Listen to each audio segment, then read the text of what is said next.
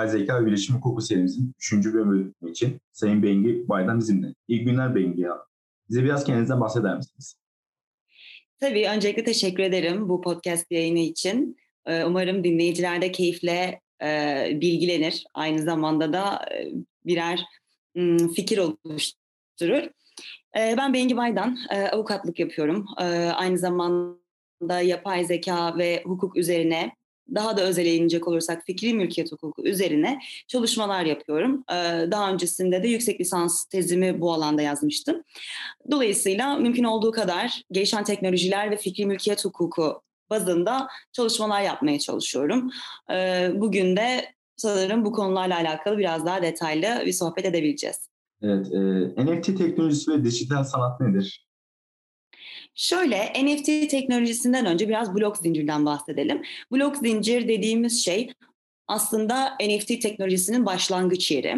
Blok zincirde çok basit hatlarıyla söyleyecek olursak bir veri depolama sistemi. Bu sistemde belirli bloklar var. Gerçekten blok diyebileceğimiz dijital e, durumlar var ve bu dijitaller, e, dijital blokların e, bir verilerin depolandığı bir sistem olduğunu görüyoruz. Bu depolama sistemi de aslında e, her türlü verinin depolanabildiği, her türlü belki fotoğrafın yani teknik olarak iliştirilebilecek her türlü materyalin bulunabildiği bir sistem. Dolayısıyla burada önemli olan şey aslında biraz da e, veri ve verinin takip edilişi, depolanışı diyebiliriz.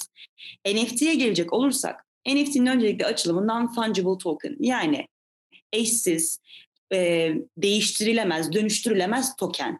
Token'e de biz e, bir jeton diyebiliriz, bir e, küçük bir çip diyebiliriz. Bu aslında bir dijital dosya. Bu dijital dosya içerisinde e, dönüştürülemez ve değiştirilemez yapısı ile birlikte iliştirildiği şeyin eşsiz görünmesine sebep oluyor.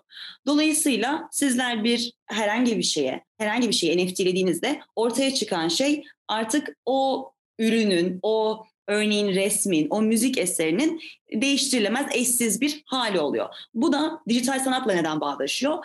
Dijital sanat aslında tamamen NFT demek değildir. Yani dijital sanatta e, blok zincir teknolojisi olmayabilir, yapay zeka olmayabilir. Burada önemli olan şey dijital sanatın NFT teknolojisiyle harmanlandığını görmek.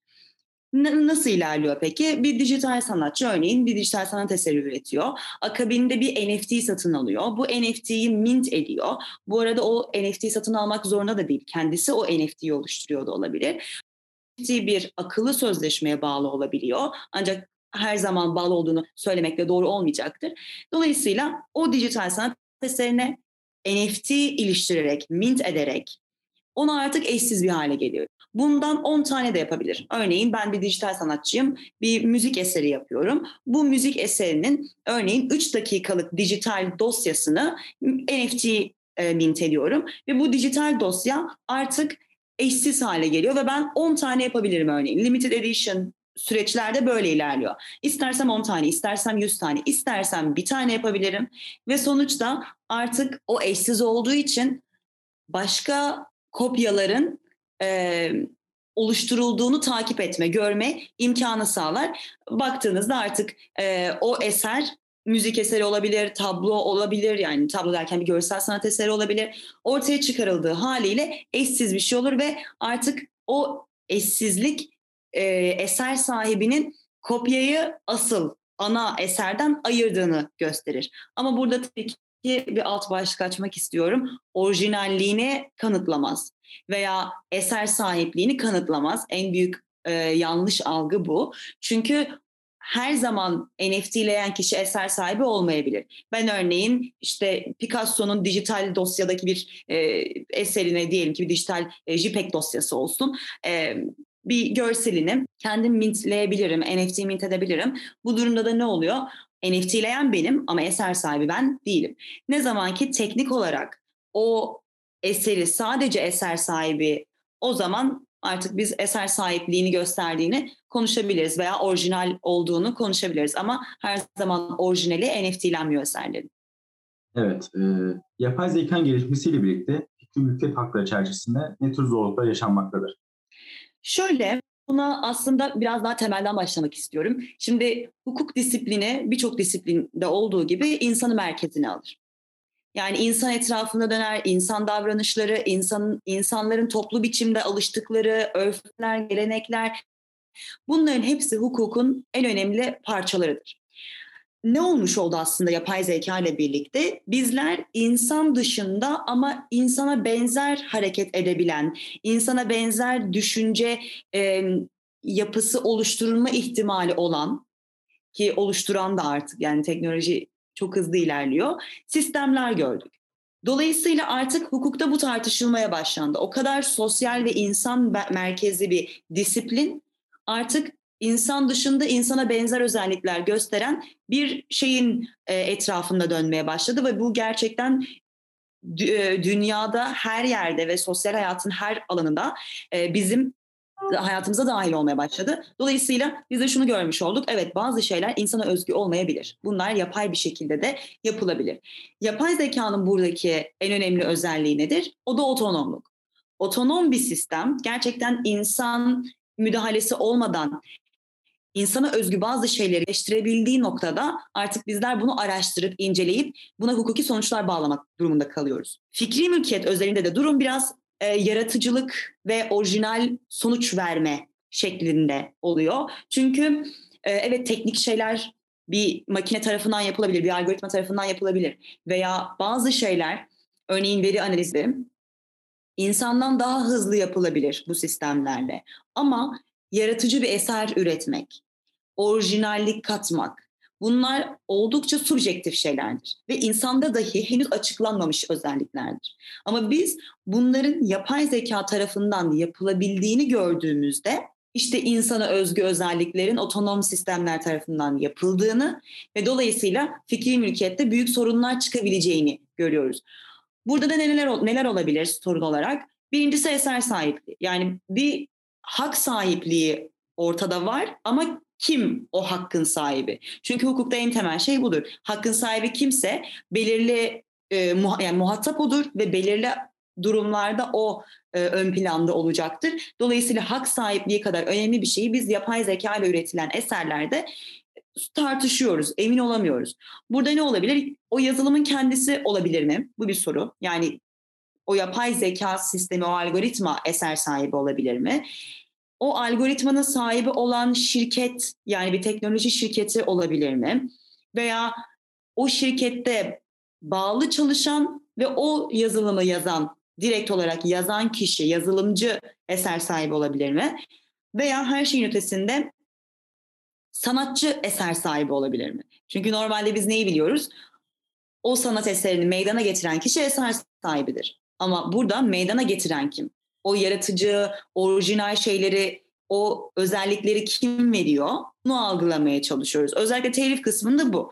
Marka hukukunda patent ve telife göre biraz daha geç ilerleme söz konusu. Orada belki biraz daha veri analizi vesaire ön plana çıkıyor. Ama özellikle fikri haklar kısmında çok tartışmalı ve patent konusunda da yine aynı şekilde büyük bir sıkıntı aslında eser sahipliği. Bu olabilir. Bir diğeri ne olabilir? Yapay zeka telif hakkı ihlali yaptığında kim sorumlu olacaktır? Yani hak sahipliği kadar bir de sorumluluk da önemli burada. Dolayısıyla kimden o zarar tazmin edilebilecektir? O tedbirler kime karşı alınacaktır? Bunlar tamamen bir soru işareti. En büyük problemler de aslında burada oluyor.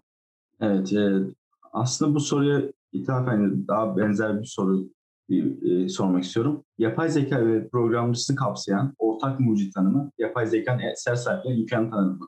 Özellikle e, İstanbul Barosu'nun yapay zeka bültenini okurken Davos örneğiyle karşılaştım. Birçok ülkede yarısı, yani neredeyse dünya yarıya bölünmüş. Yarısı kabul ederken yarısı kabul etmeme kararı almış. Bir açıklayabilir misiniz? Burada şöyle bir durum var. Aslında fikri mülkiyet haklarının ayrımını iyi bilmek gerekiyor. Yani patent, marka, telif, tasarım bu haklar genellikle birbiriyle karıştırılan şeyler. Ana fikir mülkiyet hakları olduğu için bunlardan bahsediyorum ama neden karışıyor? Çünkü genellikle hangi kavramın neyi koruduğunu tam olarak kestiremeyebiliyoruz. Örneğin kitabımı patentlemek istiyorum gibi şeyler olabiliyor e, veya ilacımın telif hakkını almak istiyorum. Dolayısıyla burada aslında o sınırın güzel bir şekilde çiziliyor olması lazım.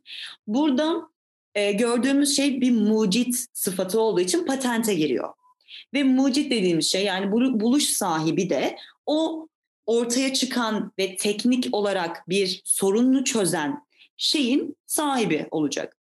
Peki bu e, süreç nasıl ilerliyor? Örneğin patentte ve karşılaştırmalı olarak telifte aynı süreç ilerliyor mu? Buna bakmak lazım. Patentin doğası gereği, patent hakkının doğası gereği aslında teknik bir şeyi koruyor. Yani ortaya çıkan şey örneğin bir ilaç, örneğin bir mühendislik e, parçası, bir alet. Dolayısıyla burada yeni olması kaydıyla korunan teknik bir bilgi, belge, bir oluşum bundan bahsediyoruz. Ve teknik şeyler söz konusu olduğunda bir sistemin yani bir, algoritmanın daha fazla katkı sunabileceği bir şey var.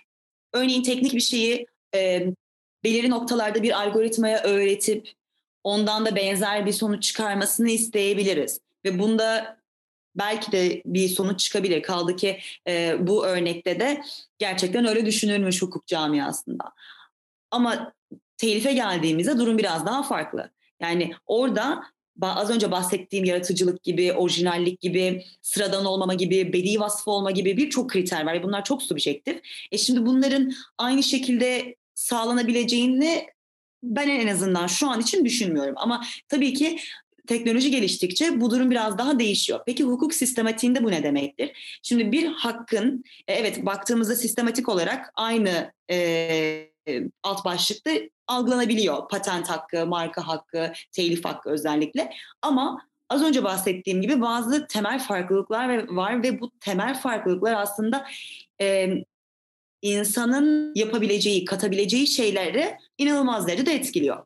Dolayısıyla bir yapay zekanın mucit veya ortak mucit sıfatıyla belirli mahkemeler tarafından e, kabul edilmesi, belirli marka patent kurumları tarafından kabul edilmesi ile bir eser sahibi olarak kabul edilmesi aynı şey olmayacaktır. E, en azından kriterler aynı olmadığı için burada ben direkt olarak ortak mucit sıfatının veya mucit sıfatının hiç fark etmez aynı kefeye aslında koymak lazım burada.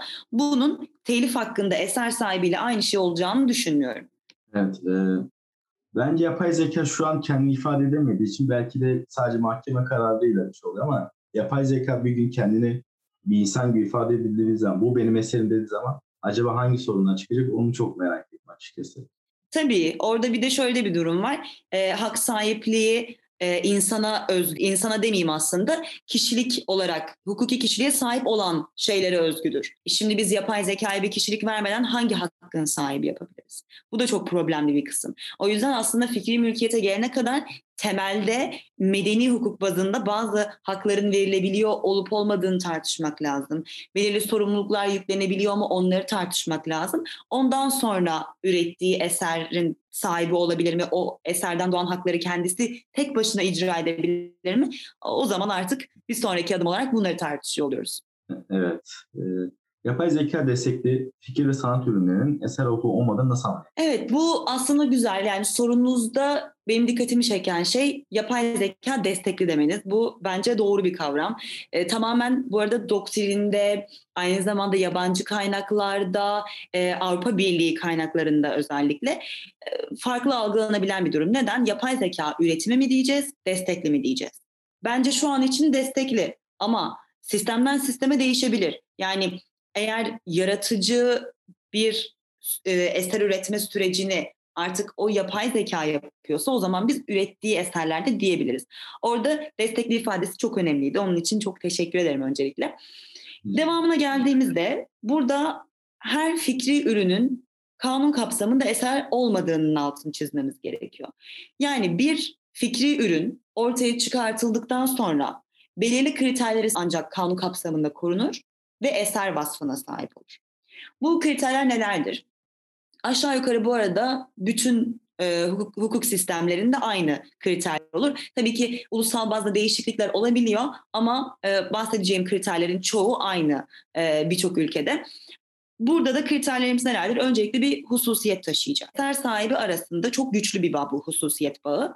Ve şunu veriyor aslında. O kişi kendi bilgi birikimini, hayal gücünü, bu zamana kadar gördüğü, tesadüfen karşılaştığı şeyleri e, biriktiriyor. Bu birikimin sonucunda da o esere bir kişilik aslında yansıtması söz konusu. Örneğin ben bir müzik eseri yaratacağım. Belki 10 yıl önce yanımdan geçen bir insanın mırıldandığı bir ezgi benim esinlenme sebebim olabilir ve ben bunu hiçbir zaman bilmeyebilirim. Dolayısıyla hususiyet çok subjektif bir kavram. Ee, eserle eser sahibi arasında korkunç kuvvetli bir bağ ve e, bu bağdan dolayı aslında belirli haklar da ediniyor. Birinci kriterimiz bu hususiyet. Tabii ki hususiyetten ne anlamamız gerektiği net değil kaynaklarda. O açıdan biz emsal kararlara vesaire bakabiliyoruz. Burada da işte orijinallik, sıradan olmama, yaratıcılık barındırma gibi e, tanımlar mevcut. Bunlardan yola çıkıyoruz. Ancak tabii ki her eser özelinde bunların ayrı ayrı incelenmesi gerekiyor. İkincisi o eserin kanunda sayılı bir şekilde belirtilen eser tiplerinden birine girmesi. Burada sınırlı sayı prensibi var. Dolayısıyla bunu biz yorum, yorum yoluyla genişletemiyoruz. Bunlar nelerdir? İlim edebiyat eseri olabilir, e, müzik eseri olabilir, sinema eseri olabilir, güzel sanatlar eseri olabilir. Bu eserlerden birine girmesi şartıyla e, o eser, o fikri ürün eser kapsamına girer. Ama burada alt başlıklara indiğimizde örneğin güzel sanatlar eserlerinin e, alt başlıkları yoktur. Kanun burada bir serbestli tanımıştır. Ama ana eser tiplerinde bir e, sınırlı sayı prensibi işler. Son olarak da bunun, bu fikri ürünün daha doğrusu dışarı dışarıda algılanabilir bir formda olması gerekiyor. Yani üçüncü kişiler tarafından algılanabiliyor olması gerekiyor. Burada da korunan şeyin aslında fikir olmadığına geliyoruz. Yani fikrin kendisini korumuyor fikri mülkiyet hukuku. Fikrin yaratıcı bir şekilde, orijinallik barındıran şekilde dışı vurumunu koruyor. Dolayısıyla bu üç kriteri, temelde üç kriteri sağladığında bir fikri ürün eser kapsamına giriyor. Yapay zeka bunu ne kadar karşılayabilir bir de ona bakalım. Öncelikle zaten tartışmasız bir şekilde dışarıda algılanabilen, üçüncü kişiler tarafından e, algılanabilen bir form veriyor yapay zeka. Örneğin bir dijital sanat eseri üretebiliyor, bir şiir yazabiliyor. Bunun anlamlı olur olmaz bu tartışılır. Ama ortaya çıkan üçüncü kişiler tarafından algılanabilir bir formda mı? Evet. O zaman bunu saydık. Gelelim sınırlı sayı prensibine göre sayılan eser tiplerine. E onlardan da birine giriyor. Örneğin bir müzik eseri ortaya çıkartıyor gerçekten. Veya bir şiir dedik ilim edebiyat eseri çıkartıyor. Bir yazılım yazabilir. Yine ilim edebiyat eseri ortaya çıkmış oluyor. Dolayısıyla yapay zekanın bunu yapabildiğini görüyoruz. Peki problemli husus ne? Hususiyet konusu. Yani orası o kadar subjektif bir alan ki ve o kadar insana bağlı bir alan ki gerçekten bir yapay zekanın, bir makinenin hatta bir cansız varlığın bunu yapıp yapamayacağı tartışmalı. Bazı insanlar için öyle. Evet yapabilir diyor. Ama burada biz hukuk disiplininden çıkmak zorundayız. Nörobilime gitmek zorundayız veya psikolojiye gitmek evet. zorundayız. Çünkü bir insan beyni ne durumda yaratıcı olur? Yaratıcılık nedir? Biz bunu anlayacağız öncelikle. Daha sonra bunu insan dışında bir şey yapabilir mi? Hatta bir cansız varlık yapabilir mi? Bunu bu şekilde ancak anlayabiliriz. Dolayısıyla çok disiplinler arası bir e, alan bu alan. Özellikle teknik ve hukuku birleştirdiği için ama şu an için biraz daha yorum yoluyla anlamaya çalışıyoruz. Evet, e, aslında teknoloji gelişmeler ya da nörobilim ya da benzer alt disiplin ya da üst disiplinler geçtikçe aslında hukuk da aynı zamanda onun paralel şekilde gelişiyor. Yani e, biz onların önüne geçemeyiz çünkü onlar öne geçtikçe biz onları takip etmek zorunda kalıyoruz. Umarım e, daha hızlı gelişme, daha çok gelişme olur ve bu alanda daha çok inceleme fırsatı oluruz. Fikir mülkiyet olsun ya da yapay zeka olsun. Ben şimdi son olarak şunu soracaktım. Biz hukuk öğrencilerine ya da bu podcast dinleyen kişilere e, tavsiyeniz neler olur? Neler yapmalıyız? Evet, bu alanı merak ediyorsanız e, kesinlikle iyi bir İngilizce gerekiyor. Dil inanılmaz önemli. Çünkü kaynakların neredeyse tamamı İngilizce ve e, orada hukuk İngilizcesine de biraz hakim olmak gerekiyor.